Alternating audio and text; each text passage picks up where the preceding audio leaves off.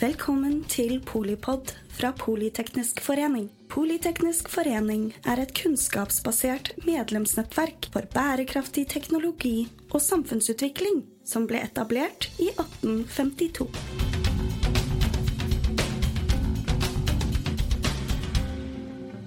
Velkommen til Polipod. I dag skal vi snakke om hvordan TikTok påvirker unge velgere. Og mitt navn er Ragnhild Tvergrov Skare. Jeg jobber til vanlig i Utsyn. Jeg har i dag med et veldig veldig spennende panel bestående av folk med forskjellige meninger og forskjellig ekspertise. Eh, Så det her kan bli veldig veldig spennende. Eh, Først har jeg med meg Gard Øksendal, TikTok-profil. Hei. Så har jeg Ane Breivik, som er leder av Unge Venstre. Tusen takk. Så har vi Simen Velle, leder av Fremskrittspartiets ungdomsparti. Og så har vi Simen Bakke, som er cyberekspert. Og så har vi Eskil Sivertsen, som til vanligvis jobber i FFI. Jupp. Eh, aller først har jeg lyst til å begynne med et uh, introduksjonsspørsmål til alle. Uh, og jeg har veldig lyst til å begynne med TikTok-stjerna sjøl, nemlig Simen Velle.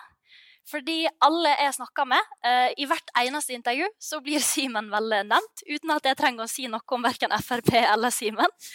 Eh, så jeg lurer da på hvordan var det du brukte TikTok, og hva er dine erfaringer med appen?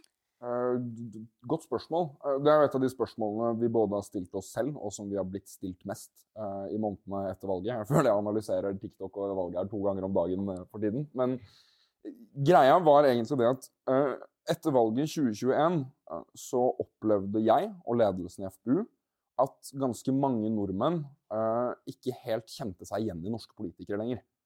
Eh, At man satt med en følelse av at politikerne interesserte seg for andre ting enn det folk flest interesserte seg for. Og at de utfordringene som folk flest opplevde i hverdagen, ikke ble sett på som viktige nok for politisk diskusjon. Og så er det på en måte mange måter man kan angripe den analysen på. Men det vi valgte å gjøre, det var å på en måte ta forsøke å svare på den tiltalen vi, vi regnet med at folk hadde. Og vi begynte derfor å kontakte folk ganske direkte. Hvis dere går tilbake og ser på hva jeg begynte å legge ut på TikTok da jeg startet der, så var det i all hovedsak at jeg stilte et spørsmål. Gjerne hva lurer du på, hva bryr du deg om, hva er viktig for deg? Og så brukte ganske mye tid på å svare ut spørsmål, rett og slett. Eh, Og det tror jeg har vært mye av grunnen til at valget gikk som det gjorde for FPU i år, Uh, er at jeg har ikke snakket om det jeg syns er viktig eller hva jeg syns er interessant. Jeg har snakket om hva velgerne syns er viktig og interessant. Uh, Og da mener jeg at når man på en måte har en litt sånn jordnær og én-til-én-tilnærming til velgerne, i en tid hvor politikerforakten øker, og hvor folk føler større og større distanse til, til det politiske systemet, så, så klaffer det. Og det, det gjorde det visst i år. Eh, Da har jeg lyst til å spørre deg, Ane Breivik. Eh, For du er leder av Unge Venstre, og dere har hatt ei ganske sånn hard linje mot TikTok i Venstre om at dere skal ikke være der.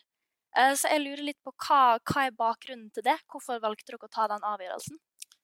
Eh, tusen takk. Jeg kan jo starte med å si at eh, litt av oppgaven til et politisk parti, det er jo å vinne valg, rett og slett. Det innebærer å sanke stemmer, og det innebærer også at man i størst mulig grad skal nå potensielle velgere på ulike vis, også på sosiale medier.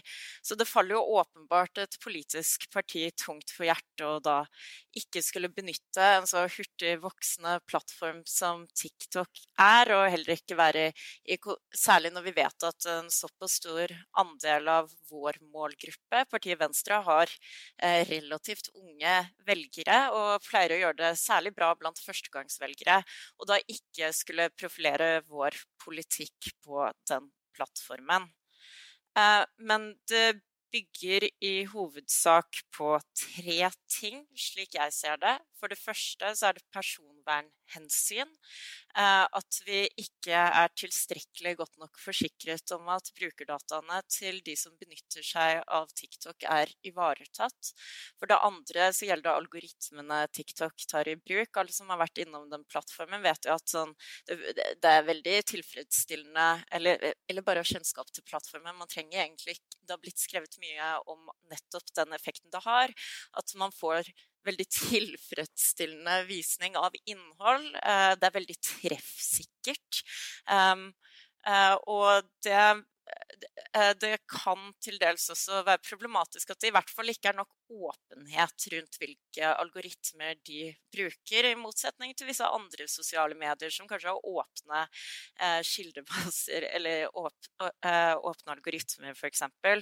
Og så det tredje aspektet, som nettopp skiller eh, Så kan man jo si med begge de to at det er ganske mange andre sosiale medier som innehar disse trekkene. Hva er det som gjør at TikTok står i en særstilling? Jo, det er nettopp Kina-eierskapet. Det er nettopp det at eh, selskapet ByteDance Dance er eieren til TikTok. Det er et kinesisk eh, selskap. Som følge av den nasjonale sikkerhetslovgivningen i Kina, så kan myndighetene i Kina kreve utlevert eh, nettopp den informasjonen som de har lagret på sine servere. Eh, og det, det, er særlig problematisk at kinesisk etterretning kan få tilgang til informasjon, ganske detaljert informasjon også, om norske brukere. ByteDance har flere ganger, og TikTok, som er eid av ByteDance, uh, har flere ganger Eh, kommet med ulike forsikringer om at eh, Kina ikke lagrer informasjon om brukere på kinesiske servere. At denne informasjonen ikke skal komme på avveie, og at det ikke skal komme innenfor hendene til kinesiske myndigheter. Jeg er ikke så trygg på de forsikringene akkurat. Tvert imot så har det vært flere uh, Altså det har blitt dokumentert flere ganger at informasjon om amerikanske brukere nettopp har vært lagret på kinesiske servere. At man har sett at det har vært aktivitet fra kinesisk hold for å få tilgang til informasjon om journalister som har vært kritiske til det kinesiske regimet, bl.a.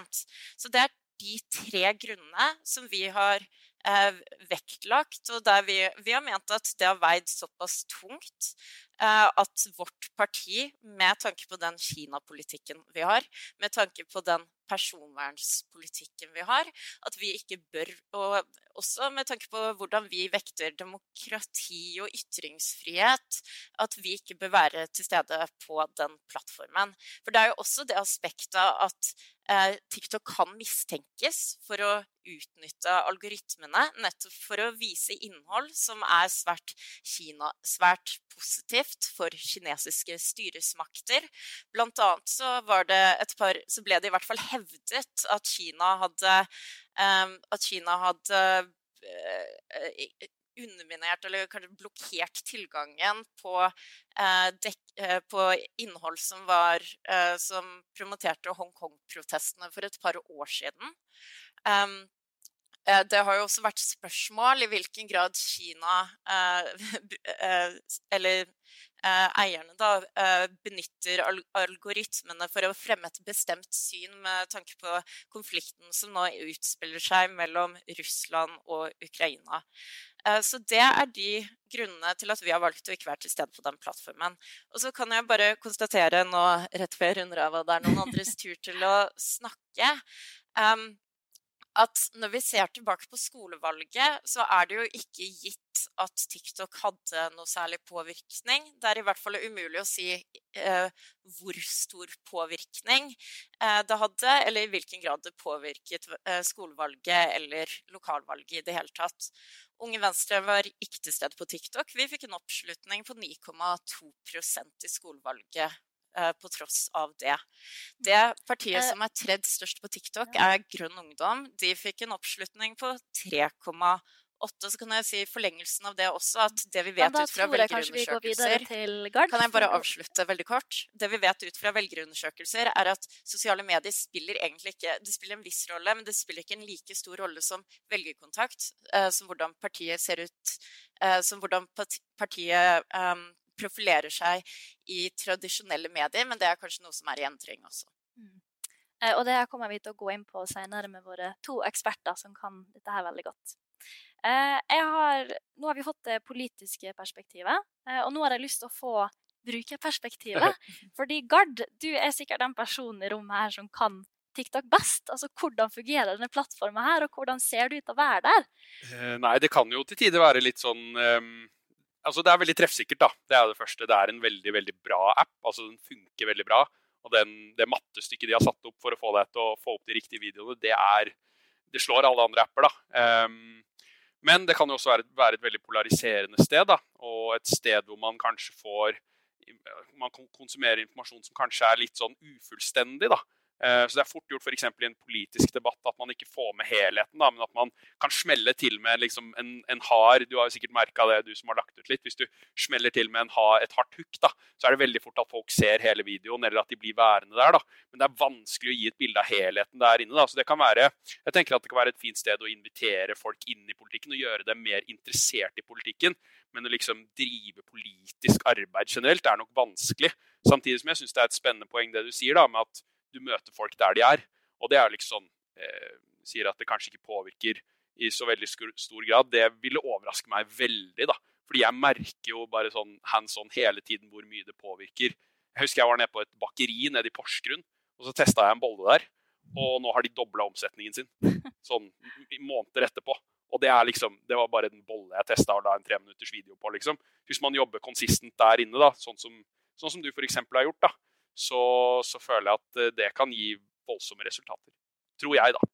Men, mm. eh, men ja, igjen, det er kanskje ting som er i endring. Mm. mm. Da tenker jeg vi sender ordet over til ekspertene våre. Eh, jeg har litt lyst til å begynne med det, Simen Bakke. Fordi du er ekspert på cyber. Og det er jo litt sånn i kjerna av det her. Ane har jo allerede snakka mye om de forskjellige Eh, man er nødt til å ta med tanke på datasikkerhet og TikTok. Så jeg lurer på om du kan forklare litt altså Hva er egentlig det store problemet når det gjelder datasikkerhet og TikTok? Ja, det er et godt spørsmål og et vanskelig spørsmål. Um, sånn som, jeg syns Ane oppsummerte det veldig greit, så jeg skal prøve å legge til noe ytterligere. Um, det vi ofte snakker for innenfor cyber, da, det er jo egentlig eh, trusselscenarioer hvilke trusselscenarioer er det vi ser som relevante, og hva er det vi ønsker å beskytte oss mot. Eh, og Der er det veldig mange forskjellige. Én side av saken er jo dette med datainnsamlingen, som er et veldig, egentlig et personvernhensyn, sånn som vi ofte tenker på det.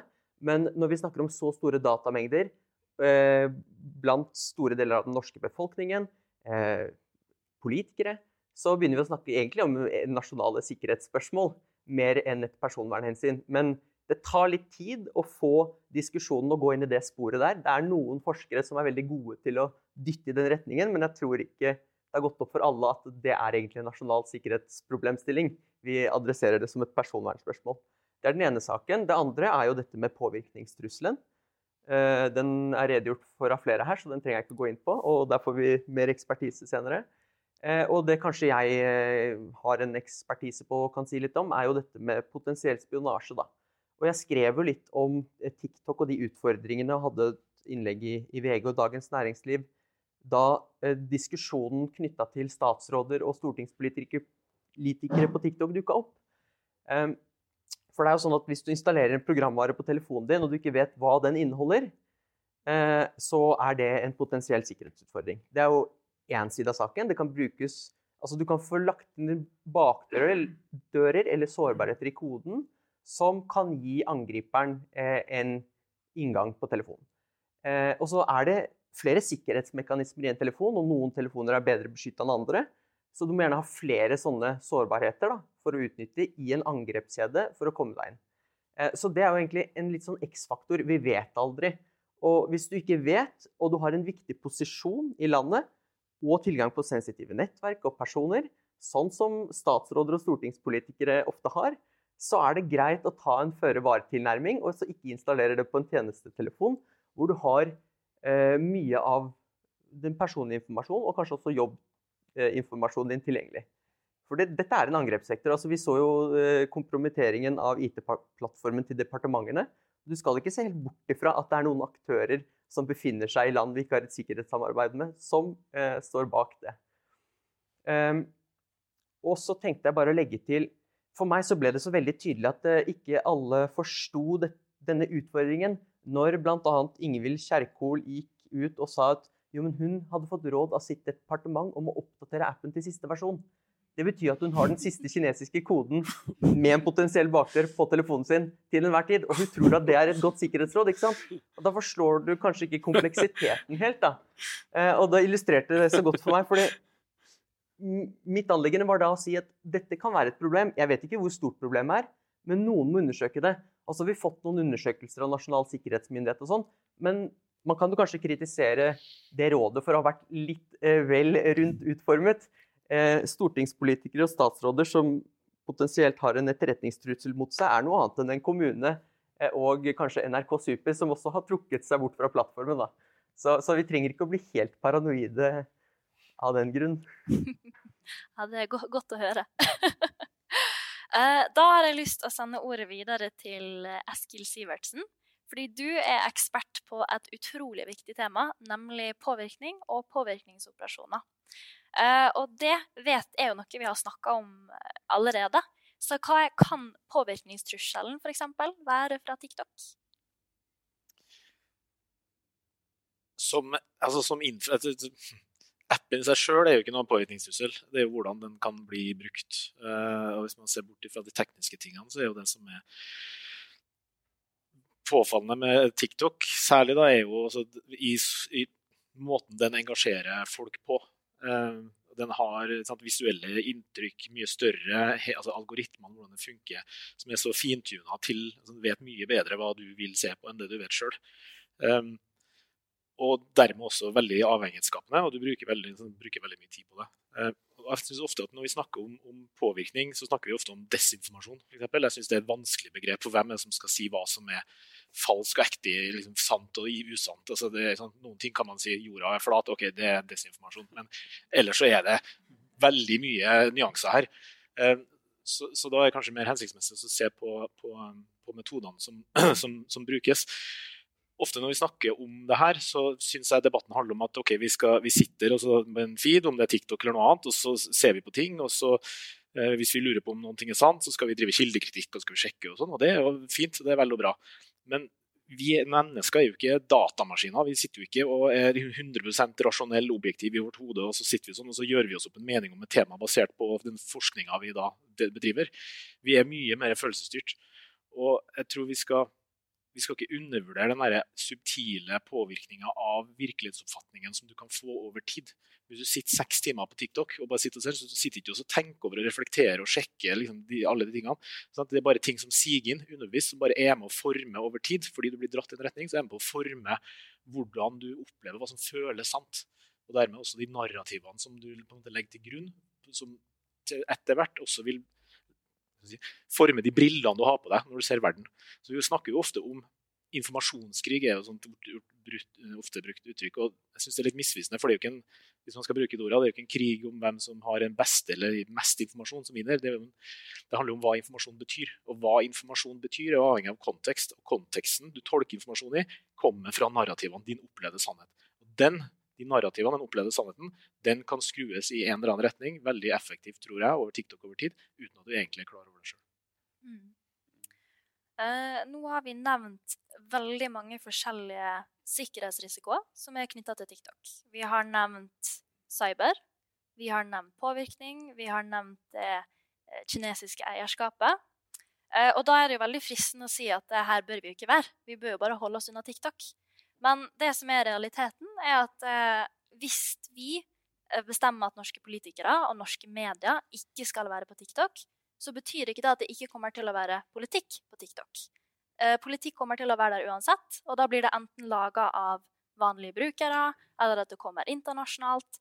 Og det her er veldig, veldig vanskelige ting å veie opp for hverandre. Så da lurer jeg litt på i panelet, nå kaster jeg ut spørsmålet til alle, så de som vil, kan uh, gripe ordet. Hvordan skal man egentlig begynne å, å veie opp hva slags trussel som er størst? Jeg kan prøve. Ja. det, det, er jo en, eh, en, veldig, veldig vanskelig vurdering. Jeg mener jo at mange av sikkerhetsutfordringene med TikTok uh, blir overdrevet uh, Ikke nødvendigvis overdrevet, men de blir overdrevet eh, på en måte med forholdet mellom TikTok og andre sosiale medier. Uh, jeg vil si at 90% av de tingene som er skummelt med TikTok, også er skummelt med Facebook. Uh, og Instagram og Snapchat, for den saks skyld. Uh, det er helt riktig at hvis man har informasjon på TikTok, så kan kinesiske myndigheter få tak i den. Men Ane Breivik, Venstre, alle norske politikere er på Facebook. Den selger informasjonen sin til høystbydende, som egentlig like gjerne kan være et kinesisk selskap, det også. Så jeg, jeg mener jo at på en måte mye av den liksom, litt sånn krisemaksimeringen som jeg opplever det som, uh, spiller litt Altså faller litt på stein grunn for min del. Men det betyr ikke at kritikken ikke er relevant, og det er viktig for meg å påpeke. Uh, jeg mener at uh, istedenfor at man kanskje har overkommunisert TikTok-debatten, så har man heller underkommunisert alle de andre sosiale mediene, som jeg også mener er ganske, ganske skumle. Og en, en, av de statistikkene som skremmer meg mest med, med Norge, det er at Vet dere hvor lang tid gjennomsnittstiden noen ser på et innlegg på sosiale medier før de scroller videre? Det er 0,8 sekunder. Eh, og det er uavhengig av hva eh, innlegget handler om. Og jeg som politiker, som Ane helt riktig sa, min jobb det er å skaffe velgere. Det er å sørge for at folk blir enige med meg og mitt budskap. Og det betyr at jeg egentlig vet at hvis jeg ikke i løpet av kanskje ett eller to sekunder klarer å fange oppmerksomheten til noen, eh, så får jeg aldri den oppmerksomheten. Og da får jeg ikke det talerøret. Og det er en av de tingene som skremmer meg litt med hvordan den politiske debatten utvikler seg. Det blir mindre og mindre samtaler sånn som dette. Og så blir det mer og mer skyttergravskrig på sosiale medier. Og da kan man jo godt si, er det ikke fornuftig da å bare trekke seg unna de mediene og spille, spille på gamlemåten på en måte, og fortsette med kronikker i VG og sånn? Eh, og det kan man for all del mene, men problemet da er jo at, som du helt riktig påpeker, da er det de aktørene som ikke har lyst til å forholde seg til demokratiske spilleregler, Eh, de aktørene som ikke er interessert i demokratiets beste, som får lov til å definere den politiske debatten. Og det skremmer meg egentlig enda mer. Så Jeg personlig har ikke TikTok på telefonen min. Jeg har aldri hatt TikTok på telefonen min. Det er ingen sikkerhetsrisiko. Det er ingen kinesiske myndigheter som får tak i informasjonen som jeg sitter på. I den grad jeg sitter på den informasjonen som de har lyst på. Det kan man sikkert også ha en debatt om, for den saks skyld. Eh, men jeg mener at det finnes mange måter man kan på en måte mitigere veldig mange av de truslene som kommer med TikTok. mener jeg også at TikTok har blitt malt som en litt stor, stygg ulv i forhold til de andre sosiale mediene. Uh, og så er jeg veldig, veldig, veldig skeptisk til en sånn Nå må politikerne vet bedre enn folket. Nå skal vi liksom trekke oss unna, og folket de skjønner ikke hva de driver med. De er på TikTok, men vi skal skrive kronikker i Finansavisen fordi vi vet hva vi driver med. Da tror jeg man veldig fort mister kontakt med de menneskene man har valgt til å representere, og det tror jeg er en av politikkens aller, aller uh, skumleste, skumleste sider, hvis, hvis den trenden får lov til å utvikle seg. Mm. Jeg så at du, Ane, var veldig fort oppe med en eh, kommentar. Har du en eh, kjapp replikk til det ja. han sa? Uh, tusen takk. Uh, jeg vil først adressere en påstand. Uh, hvis det faktisk stemmer at Meta selger informasjon til kinesiske selskaper, så er jo det både ulovlig Det var grunnlaget for Cambridge Analytica-skandalen for flere år siden. At de nettopp ikke har lov til å selge informasjon til tredjeparter. For det andre så tror jeg i hvert fall amerikanske myndigheter burde gripe inn. For jeg vil tvile at, det, at sanksjonsregimet som USA har innført mot Kina, nettopp blokkerer for den adgangen adgangen. Så jeg syns ikke du kan likestille det, eller i hvert fall hevde at, at, det ikke har noen betydning med tanke på kinesisk tilgang på informasjon, hvorvidt man benytter seg av Metas plattformer eller TikTok sine. Når det er sagt, og tilbake til det opprinnelige spørsmålet, det er en verdiavveining som alle må ta. Og jeg skal nødig moralisere det at enkeltpersoner benytter seg av TikTok, men jeg syns i hvert fall det er noe problematisk ved at politikere tar i bruk medier for å vinne velgere, som nettopp er så inngripende når det gjelder tilgang til personlig informasjon. Vi vet at det er veldig mange politiske partier som har brukt eh, markedsføring basert på overvåkning eh, tidligere, som sannsynligvis blir ulovlig om et par år. Jeg syns politikerne har et særlig ansvar for at man ikke skal legge seg liksom, lavest mulig. Nå ser jeg ikke at TikTok nødvendigvis er det, men jeg syns i hvert fall at eh, det er, og det føler jeg at alle er kjent også, at det er noen implikasjoner ved å bruke TikTok eh, som gjør at i hvert fall for min del eh, så er det ikke aktuelt å promotere politikk der på vegne av mitt parti. Gard, jeg så at du var fort oppe. Ja, um, for det er det mest sånn Ola Dunk-spørsmålet som alltid kommer, føler jeg. da. Sånn, hva, hvorfor er Snap og Facebook, eller Meta da, så veldig mye bedre? Det er litt spennende. Vi har jo noen som kanskje kan svare litt på nettopp det. For det er sånn spørsmål jeg alltid når vi snakker om det her. Det kommer hver gang. Eh, dere som har litt kompetanse. Jeg syns det er spennende å høre. Og så er jeg veldig enig i det Simen sier, faktisk, da, er at hvis ikke politikerne er der, og hvis ikke eh, liksom kompetente folk er der, da er det jeg som blir sittende og prate. For jeg japper jo om politikk. Jeg sitter jo og prater om det. Og, og, og, om det er meg, eller om det er Baris Brevik, eller om det er eh, Synnøve Dørum, eller hvem andre som sitter og tjatrer løs. Da. Vi har jo ikke peiling på hva vi prater om. Og det er jo ganske skummelt da, når jeg blir sittende, og, at, og det får jeg høre av kids liksom, som kommer. Ja, ja, 'Du har blitt nye avisen min', liksom. For jeg driver litt sånn nyhets, snakker om nyhetsting. Og da får jeg Jeg er bare en privatperson. Min, og det er ganske skummelt sånn egentlig, da, at det er jeg som sitter og setter disse narrativene som du snakker om. da. Hvis du, er, hvis du, er liksom, hvis du mener litt dette, så blir du putta inn i dette ekkokammeret. Og da sitter du der i seks timer, da, og så er, ok, da er det sånn jeg ser på verden. Så det er veldig sånn, eh, Jeg syns det er et veldig spennende poeng, og jeg skjønner at dette hele tiden er en avveining for alle partiene, men jeg så det var litt morsomt. Jeg så Oslo Unge Venstre. Fant jeg nå på eh, TikTok i dag, når jeg var inne og sjekka litt i forkant. Så du får kanskje ta en alvorsprat litt. Men um, Det liker fylkeslag. men um, ja, så, så jeg, jeg syns det er et veldig godt poeng det der med at da blir jeg sittende og jatte, da. Men tilbake til det med Meta og, og Snap, kanskje de to spesielt, da, som er veldig store. Snap er jo kanskje størst til og med i Norge. De er kjempesvære. Hvorfor er det noe bedre? Jeg har veldig dårlig inntrykk av de også. på en måte. Da har jeg lyst til å sende over til ekspertene våre. Jeg ser at Simen Simon var veldig gira på å si noe. Ja, uh, Spørsmålet er jo kanskje om det er Unge Venstre som, eller Oslo Unge Venstre som har laget den kontoen, eller om det er noen andre som står bak. da. Det var eh, faktisk eh, men... noen fra partiet. Så bra. Jeg skal legge den død. men det jeg tenkte bare adressere eller svare på det du sier om alle disse andre sosiale mediene. fordi det som hvis vi på en måte forutsetter da, at denne koblingen mellom ByteDance og TikTok og Kina at den er relevant, da, så er det eh, den på en måte kinesiske sikkerhetslovgivningen eh, pålegger selskaper som opererer i Kina, folk som har liksom tilknytning derifra, eh, å rapportere sårbarheter i kode innen to dager. Og den skal rapporteres til sikkerhetsmyndighetene. Og den, det er ulovlig etter lovverket å rapportere den til utenlandske aktører, utenlandske stater. Og grunnen til det er at og, og, kineserne for tiden er eh, aktive, aggressive når det kommer til spionasje. Stortinget 2021, det var kinesiske aktører som sto bak. Eh, så, så, de på en måte forsøker nå å bruke teknologien som en eh, måte å finne alle disse potensielle bakdørene de kan bruke som en angrepssektor inn mot aktuelle mål. Der de har etterretningsbehov, der de ønsker å søke informasjon. Og det kan jo være alt mulig. Det har ikke vi peiling på hva som er deres behov. Og det er det som skiller på en måte kinesisk teknologi fra annen teknologi. Eh, og så kan det jo godt være at noen av de eh, selskapene du nevner, med flere, altså telefonene våre, hvor de kommer fra ikke sant? Det finnes veldig mange sånne potensielle angrepsvekter, så det er jo kanskje noe vi bør adressere i stort. da. Hvor er det teknologien kommer fra? Programvare og maskinvare. Dette er jo en datamaskin som vi har lagt inn masse programvare på, og så behandler vi den som noe helt annet. Tenker ikke så mye på sikkerheten eh, rundt i. Nå har vi heldigvis begynt å få den diskusjonen der opp. da. Men, men det, det, koker liksom litt ned til at det finnes mange potensielle angrepsvektorer. Så vi må prøve å lokalisere det og finne ut hvordan vi skal håndtere det. Og da er liksom TikTok bare én av veldig mange. Men det er et eksempel veldig mange klarer å relatere seg til. For de kjenner til TikTok, de vet litt hva det er. Uh, og jeg skulle ønske at vi også kunne løfta den diskusjonen innenfor andre områder. F.eks. hvis vi kjøper uh, teknologi fra Kina og bruker den, uh, og det ikke er en app så det handler om at Kina er liksom skummel. De er skumle. Liksom. De er skumlere enn USA, og de er skumlere enn sånn, For det blir jo en sånn politisk altså sånn, er, er, er, USA så mye bedre, liksom? Sånn Ola Dunk-spørsmål igjen, da. Litt sånn, ja. Hva tenker dere? Ja, jeg ser Simen var veldig klar for å si noe. Ja, jeg tror jeg på generelt grunnlag kan si at jeg har, har nok større tillit til amerikanske myndigheter enn jeg har til kinesiske myndigheter.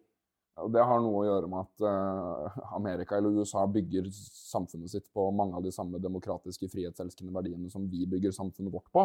Og Derfor så kan man liksom i utgangspunktet tenke at USA sikkert har, uh, har interesser som oftere uh, matcher med våre interesser.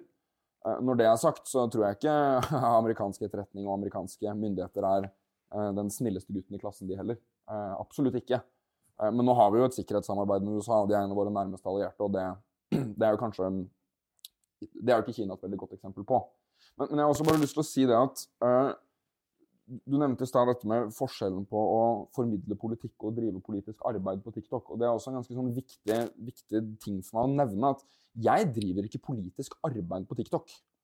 Uh, jeg driver egentlig reklame for politikk og hva det er å drive med politikk på TikTok.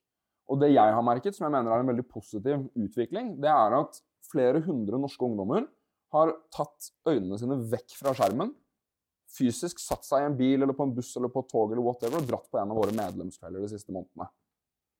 Eh, det syns jeg kanskje blir underkommunisert veldig i denne debatten her. Hvilke positive effekter det har på engasjementet til norske ungdommer at TikTok eh, profilerer politikk på den måten de gjør. Og så sier ikke jeg at TikTok er kjempebra. Jeg syns egentlig TikTok er veldig dumt. Jeg er veldig glad for at jeg ikke får lov til å ha det på telefonen min, for da bruker jeg det ikke. Uh, og jeg anbefaler ingen å bruke TikTok heller. Men hvis på en måte alternativet til at norske politikere bruker TikTok, er at norske ungdommer er på TikTok uansett, og på en måte ingen av disse verifiserte brukerne sier noen ting, men det er bare masse uverifisert informasjon, da tror jeg problemet vokser. Uh, og så er jeg for så vidt enig i at det er en sikkerhetsdimensjon mot kineserne som man er nødt til å ta inn over seg. Uh, men det å nekte relevante samfunnsaktører med å formidle relevant informasjon, det tror jeg kanskje ikke er stedet man skal starte. Eh, jeg har lyst til å ta samtalen videre til et eh, litt annet tema. Ehm, for én ting som var veldig tydelig under valgkampen i år, var at eh, høyresida var veldig mye mer representert enn venstresida på plattforma. Og en del av de unge jeg snakka med, sa f.eks. at jeg så veldig mye innhold fra høyresida på plattforma, og det gjorde at jeg forsto at jeg var på høyresida, men jeg var litt usikker på hva parti på høyresida skulle stemme, men jeg visste at jeg var på høyresida. Eh, og det var ting de fant ut av på TikTok. Så det er jo veldig tydelig at de har brukt plattformer, og at de har gjort seg opp en mening der. Er det et problem at det er så stor skjevfordeling mellom partiene nå, og er det noe vi er nødt til å ta tak i? Ja, Simen? Jeg følte egentlig det var en lissepasning til meg. Uh, uh, jeg mener jo at hvis et politisk parti opplever lite engasjement og, og lite visninger på et gitt medium, så er det det gitte partiet sitt problem. Jeg mener ikke at det er min utfordring at AUF ikke takler TikTok. Det er AUF sin utfordring. Bare sånn i utgangspunktet. Eh, og så mener jeg også at ja, det var en skjevfordeling av politisk innhold i den valgkampen her, men det veldig få snakker om, det er at jeg brukte TikTok aktivt nesten daglig eh, i et år før absolutt alle de andre ungdomspartilederne begynte å snuse på TikTok. Det er to brukere blant ungdomspartilederne som har over 1500 følgere. Det er meg og Ola Svenneby. Det er, vi to var også de to første som startet med TikTok. Eh, og det at på en måte man Altså ja, TikTok er et sted hvor du kan få følgere fortere enn alle andre steder, men en bruker som ikke har noen følgere, kan ikke konkurrere med en bruker som har gått viralt mange ganger før. Uh, uavhengig av sosialt medium.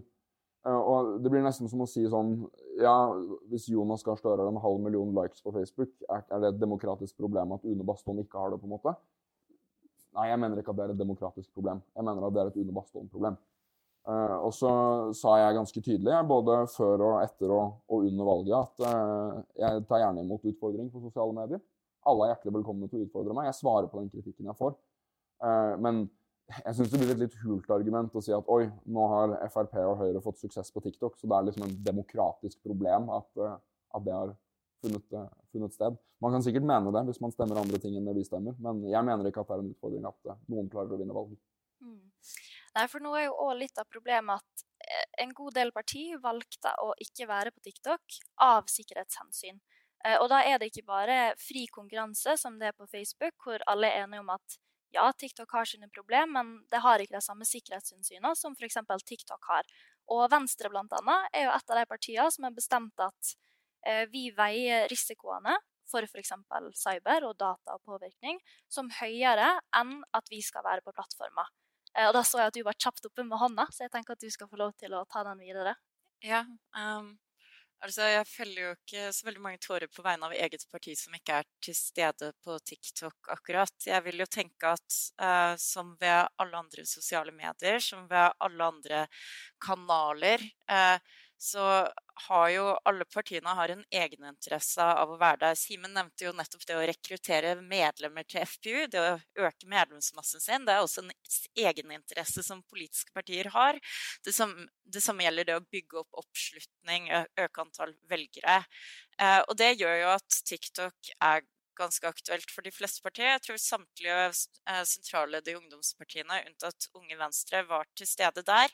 Det at vi har valgt å avstå fra TikTok og fra å bruke den plattformen fordi vi ikke har lyst til å være med på å legitimere den, noe som jeg opplever også er en del av det, den avveiningen politiske partier må ta man, eh, der, det er noe, der det skiller seg ganske Eh, der det er noe ganske annet enn om en privatperson vurderer å benytte TikTok, eh, TikTok, er nettopp at når representanter for politiske partier, myndighetspersoner, er på TikTok, så kan det i mye større grad anses som en måte å legitimere plattformen på. Vi, vi valgte å da avstå fra det.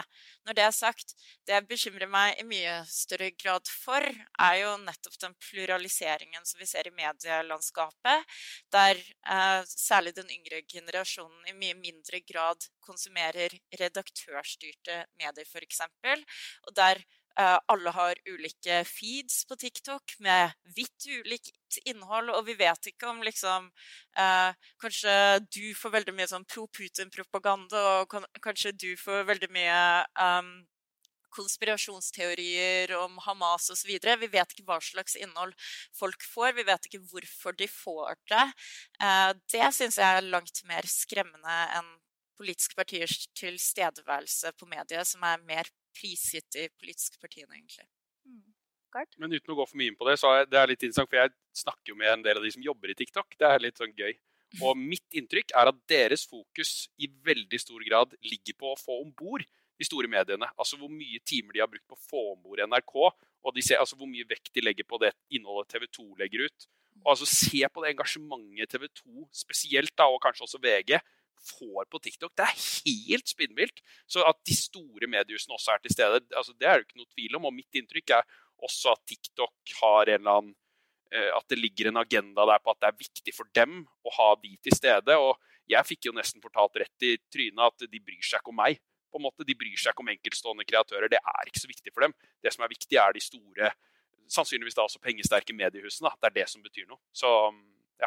Og så er enig, bare til før du kjapt, så jeg også veldig enig i at det var veldig høyre altså, Jeg står jo litt mot venstresiden i politikken, og jeg fikk nesten bare opp Simen Velle, på en måte. Så det var jo, Du ser også i kommentarfeltene, eh, så er det en høyre det er en stemning for høyre, altså høyreorientert politikk. Da, i mye større, det er veldig få kommentarfelt hvor du ser at de kommentarene som er store med masse likes, er et eller annet syn fra venstresiden. Det er ytterst sjelden.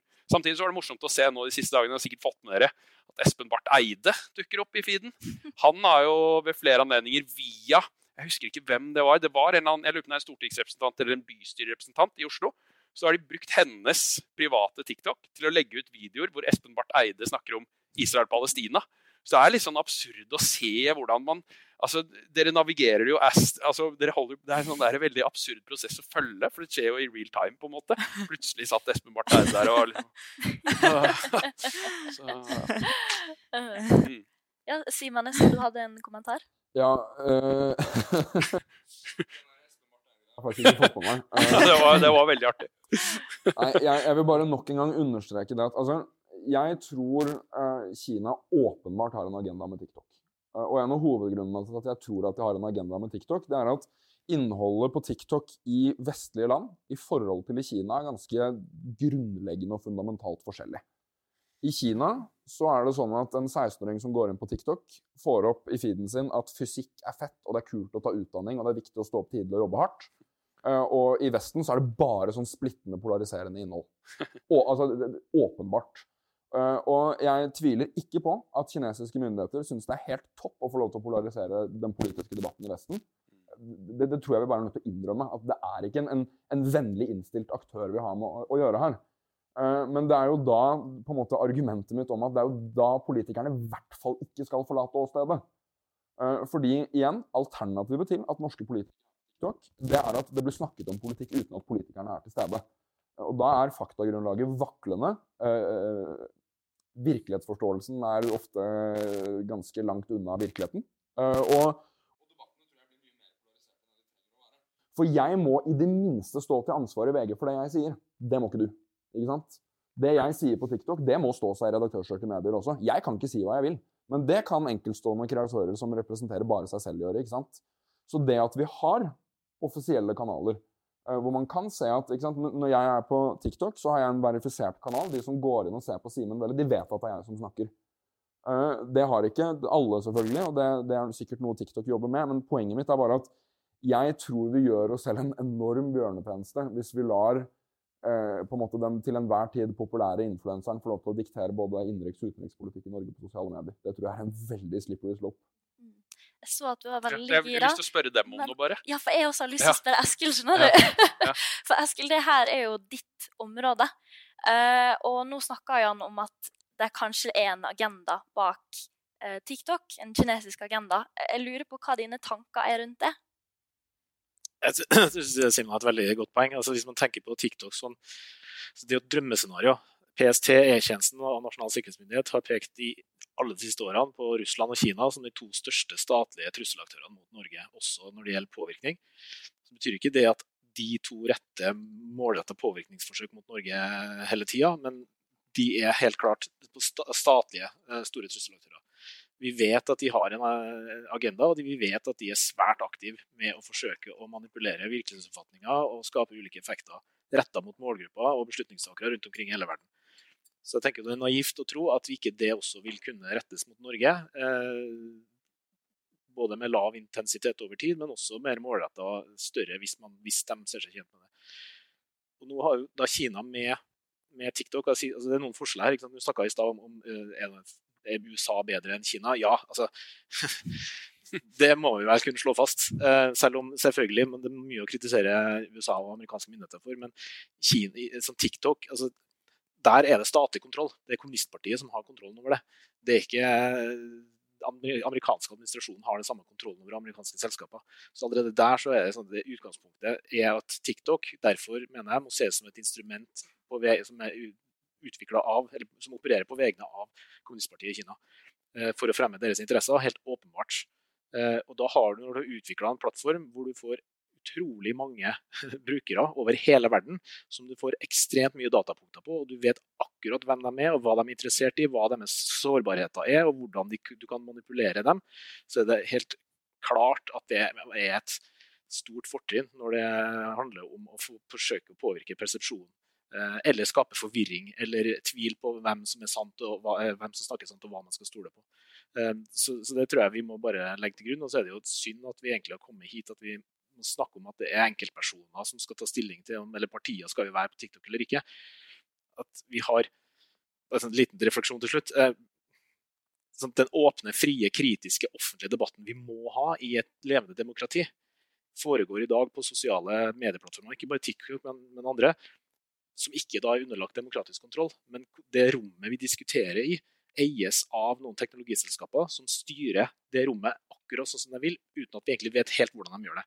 Og I tillegg så har du mange andre aktører, statlige og ikke-statlige, som har funnet ut hvordan du skal manipulere og bruke de algoritmene til sine fordeler. og dermed skape de effektene. Sånn at den, allerede det rommet vi står og har den debatten i, er er kompromittert. Men hva skal man gjøre med eh, det? Nei, det er akkurat det. og det er det som er så. Ja, hva gjør man med det? Det er jo kanskje et eksempel på at teknologiutviklinga går mye fortere enn en lovgivninga. og dette var jo sånn Da sosiale medier kom, så var det jo sant? Alle var jo happy. Det skulle jo demokratisering av den offentlige debatten, og alt skulle bli så fint. Og det hjelper meg. Det har jo virkelig hatt masse gode effekter. Og arabiske våren og veldig mye fint med sosiale medier. Men så plutselig så er vi her at det snudde seg, og så er det en trussel mot demokratiet. Og så har vi kommet for sent til festen, og så sitter vi her og diskuterer skal vi være på TikTok eller ikke. og så er det, jeg synes det er nesten litt sånn urettferdig å legge det ansvaret på enkeltpersoner. Mm. At man skulle hatt en mer policy som, eh, så man slipper å ta det ansvaret sjøl. Mm. Anne?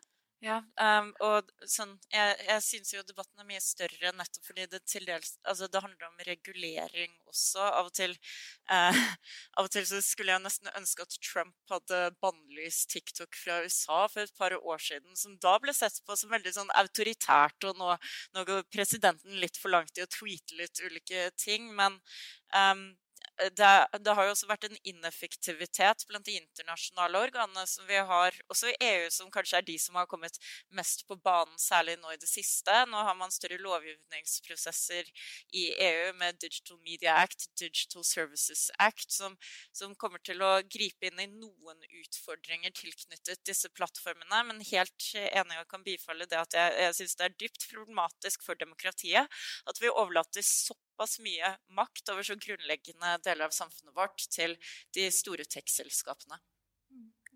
Men hvorfor er det ikke en sånn felles eh, regulering for hvordan politikere skal håndtere det? For det blir jo sånn det blir jo ikke en even playing field, da. Eller burde ikke dere bli enige for å skape en even playing field, eller er ikke det mulig? Ja, Simen? uh, mulig er det nok. Eh, det, det er nok mulig. Men altså, vi har jo noen eh, felles spilleregler. Disse sikkerhetsrådene til Nasjonal sikkerhetsmyndighet ble nevnt. Det er jo de på en måte klare 'dette skal ikke gjøres'-tipsene. Og De tror jeg alle norske politikere, også Emilie Enger Mehl, eh, forholder seg til nå. Selv om hun var litt på, på ville veier, rett og slett, med den tjenestetelefonen sin. Men, men jeg mener jo også at jeg Hvis det skulle vært en avtale om det, så er det en avtale som politikerne selv måtte utformet. For jeg er veldig veldig skeptisk til at noen andre enn politikerne dikterer hva og når og hvor politikere skal få lov til å snakke om politikk. Det blir, det blir veldig autoritært for meg. Uh, og så ser man jo da at både blant partiene i Norge, og også blant partier i andre land, og også blant land, så er på en måte interessene helt forskjellige. Jeg for eksempel, har jo, for, ville sannsynligvis motsatt meg å stoppe med TikTok før dette valget. Selvfølgelig. Fordi det gjorde at vi gjorde et veldig godt valg. Jeg er helt overbevist om at TikTok har hatt en stor effekt på det valget. bare så det er nevnt. Uh, og så sånn sett så er det lett å på en måte ha motstridende interesser. Da. og Det er jo Mye av problemet til politikk er jo at vi hele tiden er uenige med hverandre. Uh, og, og det å finne brede forlik, spesielt når et bredt forlik gagner noen og straffer noen andre, det, det tror jeg man dessverre må se ganske langt etter. Også i et veldig fint demokrati som Norge. Da tror jeg aller siste kommentar går til Ane, før vi åpner for spørsmål. Ja, bare akkurat til den biten om teknologiutviklingen og lov, lovgivningen.